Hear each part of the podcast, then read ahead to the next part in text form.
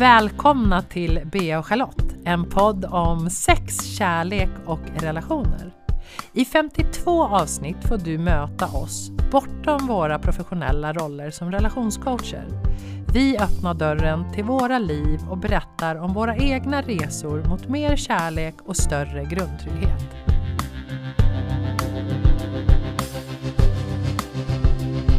Välkommen tillbaka, både du som lyssnar och till dig Charlotte. Hej! Har du haft en bra vecka? Ja, fantastiskt. Det är så härligt. Du har ofta bra veckor. Ja, alltså så är mitt liv nu för tiden. Och, och det tror jag beror på att jag gör de här grejerna som vi snackar om. Ja, och jag tror att det beror på, jag har en spaning här, jag tror också att det beror på att du har väldigt mycket närhet i din relation. Jag har så mycket närhet så att det är helt fantastiskt.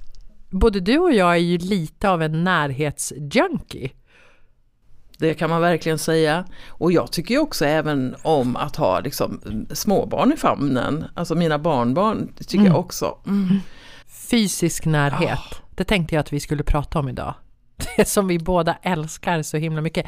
Det händer ju någonting liksom på någon själslig nivå, för mig i alla fall, när jag får den här närheten. Det är som att jag, får jag den inte, alltså fysisk kontakt, hud mot hud så, då är det som någonting vissnar i mig. Jag blir liksom inte lika härlig människa när jag inte får det. Hur känns det för dig? Men så är det för mig också. Och det som jag har lärt mig det är ju att det som sker när vi är fysiskt nära varandra det är att vi aktiverar oxytocin, det här kärlekshormonet. Mm. Kärlekshormonet som vi, jag har fått lära mig i alla fall, att jag ska ha så mycket oxytocin jag bara kan.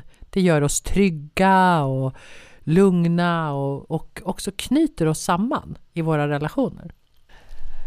En gång så, det var på den tiden som Staffan och jag var eh, tantraälskare. Vi träffades med jämna mellanrum. Och eh, då träffades vi ofta på morgonen och vi hade jättemysigt sex och sådär. Och sen skulle jag gå hem till min dotter som hade en bebis. Och eh, då skulle jag liksom gå ut och gå med den här bebisen med en sån här sele på magen. Och varje gång jag gjorde det när jag hade älskat med Staffan innan så bara gick jag typ 100 meter och så bara somnade bebisen. För det var som att jag var helt fylld av oxytocin som jag bara ja, fyllde honom med. Jag har aldrig berättat det för henne, får se om hon lyssnar på det. Det var som att du omfamnade ditt barnbarn med den här kärlekshormonen. Ja. Det måste ju vara så gott att få somna i en sån harmonisk och härligt mjuk kvinnas famn. Ja, alltså jag tror det är som... Men jag fascinerades av det. Och, och det var då jag också började förstå att små barn kan vi ha som lärare på Ja. många olika sätt. Ja, för oxytocin, nu finns det ju flera som eh, lyssnar som faktiskt inte har en relation eller en partner. Men oxytocin utsöndras ju även i kontakt med barn och eh, med husdjur. Så Ja. att du kan ju liksom eh, gosa med dina husdjur och få tillgång till eh, ox- oxytocin. Jag känner en man som var singel tills han var sex, över 60 och då så dog hans hund. Och då började han känna så här, men jag får ju ingen närhet utan någon, vad ska jag göra? Och då gick han till någon och så fick han tantramassage och då tänkte han, oh, men nu känner jag att jag får närhet. Men så tänkte jag så här, jag kan ju inte springa på tantramassage hela tiden. Och då kom han på så här, ja, men när jag tittar på TV så kan jag ta min ena hand och smeka min andra hand eller smeka min andra arm eller smeka mig lite på knät. Och så fick han närhet och så började han blomma upp och idag lever han i en relation. Mm. Det där tycker jag att jag har sett många gånger. Just det här, vissa som blir lite fnöskiga. Kanske när de kommer upp i åren lite. Och ofta så beror det på just den här närheten, avsaknaden av närhet. Och jag tänker ofta på liksom hur viktigt det är att vi tar på våra äldre också, på ett kärleksfullt och, och fint sätt. Under förra årets pandemi Så det var ju bland de sakerna jag sörjde mest att jag inte fick krama min gamla mamma och min gamla pappa. Det är som att jag, jag träffade dem men jag var ju på avstånd och det var som Alltså det fanns sån längtan efter att bara få slänga mig om famnen på, eh, på mamma. Nu tror jag att vi säkert utsöndrade lite grann ändå men, men just det här Alltså det där med det fysiska, det är något mm. speciellt. Och bara sitta och hålla någon i handen. Massera någon till exempel. Stryka någon över kinden. Just den här hudkontakten, den gör ju någonting med oss människor. Ja, jag tror det borde ju vara så här att man skulle kunna ge det som, som medicin. Vet du att jag tror att jag har hört det någonstans. Att det, att det är så här beordrad beröring. Jag kan ha helt fel. Men att det var liksom någon som så här äh, aktivt tänkte på det här i något land med äldre. Det kanske var att de tog in husdjur eller så på äldreboenden. Det kanske var så det var. Men absolut, beröring gör någonting för själen. Det är verkligen ett hormon som vi behöver, oxytocin. Och så tänkte jag att vi pratade ju om för några veckor sedan, inte i podden, men när vi satt och käkade lunch, just det här att så många för, förväxlar att fysisk beröring alltid handlar om sex. Och att det finns någon sådär mål i, eller så här, jag vill ha någonting av dig och därför tar jag på dig nu, vilket gör att om man inte är sugen på sex så, så slår man bort den formen av beröring eller håller sig borta från den formen av beröring också. Känner du igen dig i det här? Ja, jag får ju många klienter som har problem kring det här. Och då är det den ena som tycker att, att den andra bara berör mig när hen vill ha sex. Och då känns det som, ja men jag vill inte bli berörd alls för det betyder att jag säger ja till att ha sex hela tiden. Så det är väl någonting som jag tycker är så otroligt viktigt att vi Eh, tränar in oss på vardagsberöring. Mm. Icke-sexuell vardagsberöring. Precis. Som inte leder någonstans. Jag kommer ihåg när jag gick min första tantrakurs. Det var ett sånt här aha-moment. Jag har haft många aha-moments i mitt liv. Men det här var en sån där beröringsövning som vi skulle göra. Och då säger eh, den här tantraläraren säger så här, ja men titta på om du ger för att få någonting eller om du ger för att du bara vill ge till den här människan. Och jag blev ju helt förskräckt för jag kom ju på att jag gav ju för att jag ville ha någonting. Jag ville att den här människan skulle tycka att det var skönt, inte för den personens skull, utan för min skull, för min egen bekräftelses skull. Det var verkligen som att slå på en lampa i ett rum. Så här, shit, det här har jag hållit på med liksom i 30 35 år av mitt liv hade jag hållit på och berört människor för att jag ville att de skulle tycka någonting visst om mig eller för att jag kanske längtade efter beröring och då berörde jag. Och den beröringen när vi vill ha något är ju inte lika skön som när vi bara vill vara nära för att ge eller för att bara, bara för att vilja vara nära. Så, utan att det finns ett mål, då kan man känna det i beröringen. Och det tänker jag att många gör just när den ska leda till sex.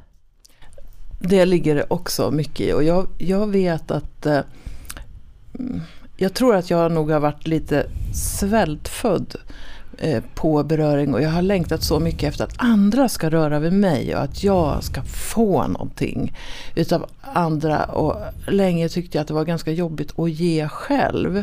För jag tyckte, ja jag får ont i ryggen och ah, jag blir trött i armarna och, ah, och sådär. Och så jag har upplevelsen av att komma på att när jag är verkligen är där och berör med eh, när jag är närvarande, när jag känner vad jag gör med mina händer så känns det som att jag får någonting tillbaks.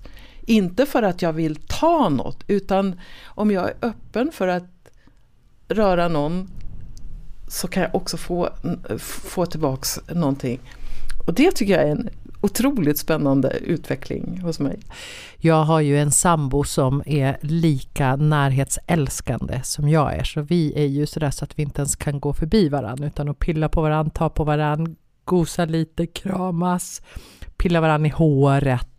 och så vidare. Och det är första relationen jag har som är, det är någon som har samma behov av fysisk närhet.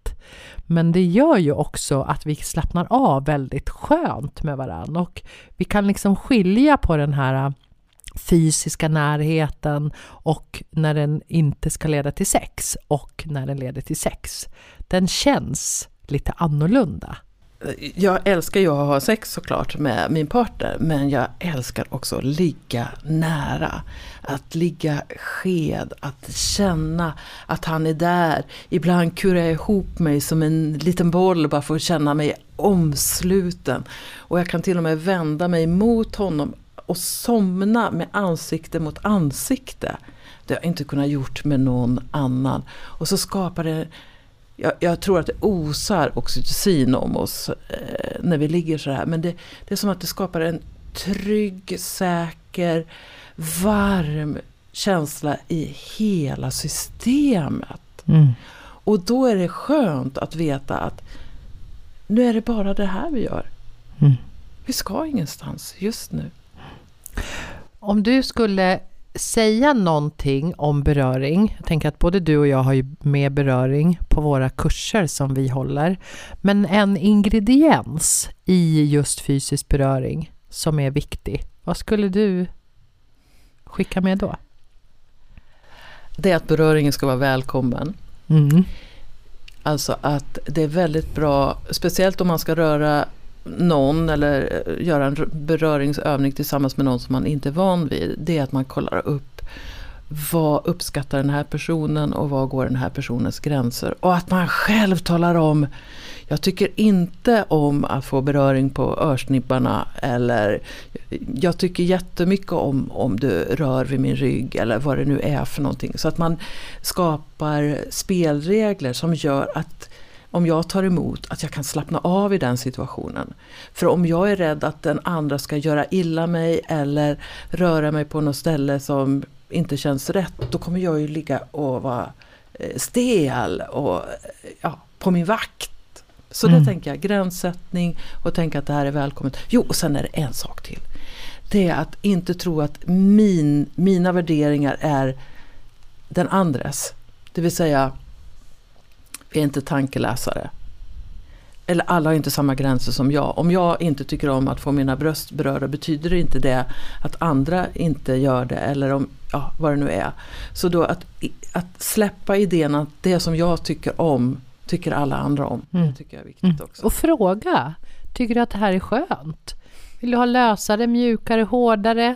Ska det vara med kli, med smek och så vidare? Prata med varandra vad man tycker om. Det gjorde. Det vågade inte jag förut när jag var yngre i mina relationer. För jag var lite sådär, ja jag vågade inte säga om det var något som kändes oskönt och så drog jag mig lite undan istället och så förstod inte mina partners var, varför jag gjorde det. Alltså, eh, jag minns ju ganska länge när det var så här eh, sexuell beröring och då när jag var ung så var ju fokus mycket på att mannen skulle röra vid min klitoris och då kunde jag liksom hoppas han träffar rätt, hoppas han träffar rätt. För jag vågade inte säga någonting och jag vågade definitivt inte ta hans hand och flytta Nej. den lite grann. Att den skulle ta här, illa upp ja. liksom. Ja, gud, jag känner igen det där verkligen. Oj, oj, oj.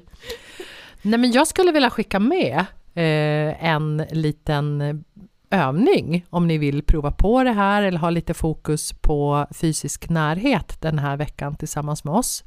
Och det är att minst en gång om dagen i en veckas tid, om du har en partner, att du berör din partner på ett icke-sexuellt sätt, alltså med en kram, kli på ryggen eller bara smeker på kinden eller en hand genom håret.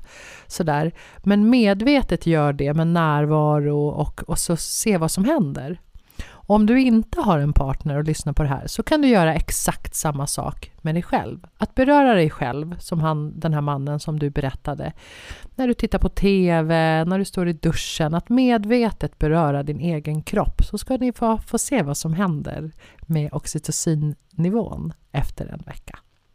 Kanske blir mer kärleksfull. Du kanske blir mer kärleksfull, du kanske mår lite bättre, känner dig lite mjukare, lite härligare. Vem vet vad som händer? Vi kan väl i alla fall prova. Och nästa vecka så ska vi, kommer vi tillbaka och då ska vi prata om intimitet. Välkomna tillbaka då. Vi hörs!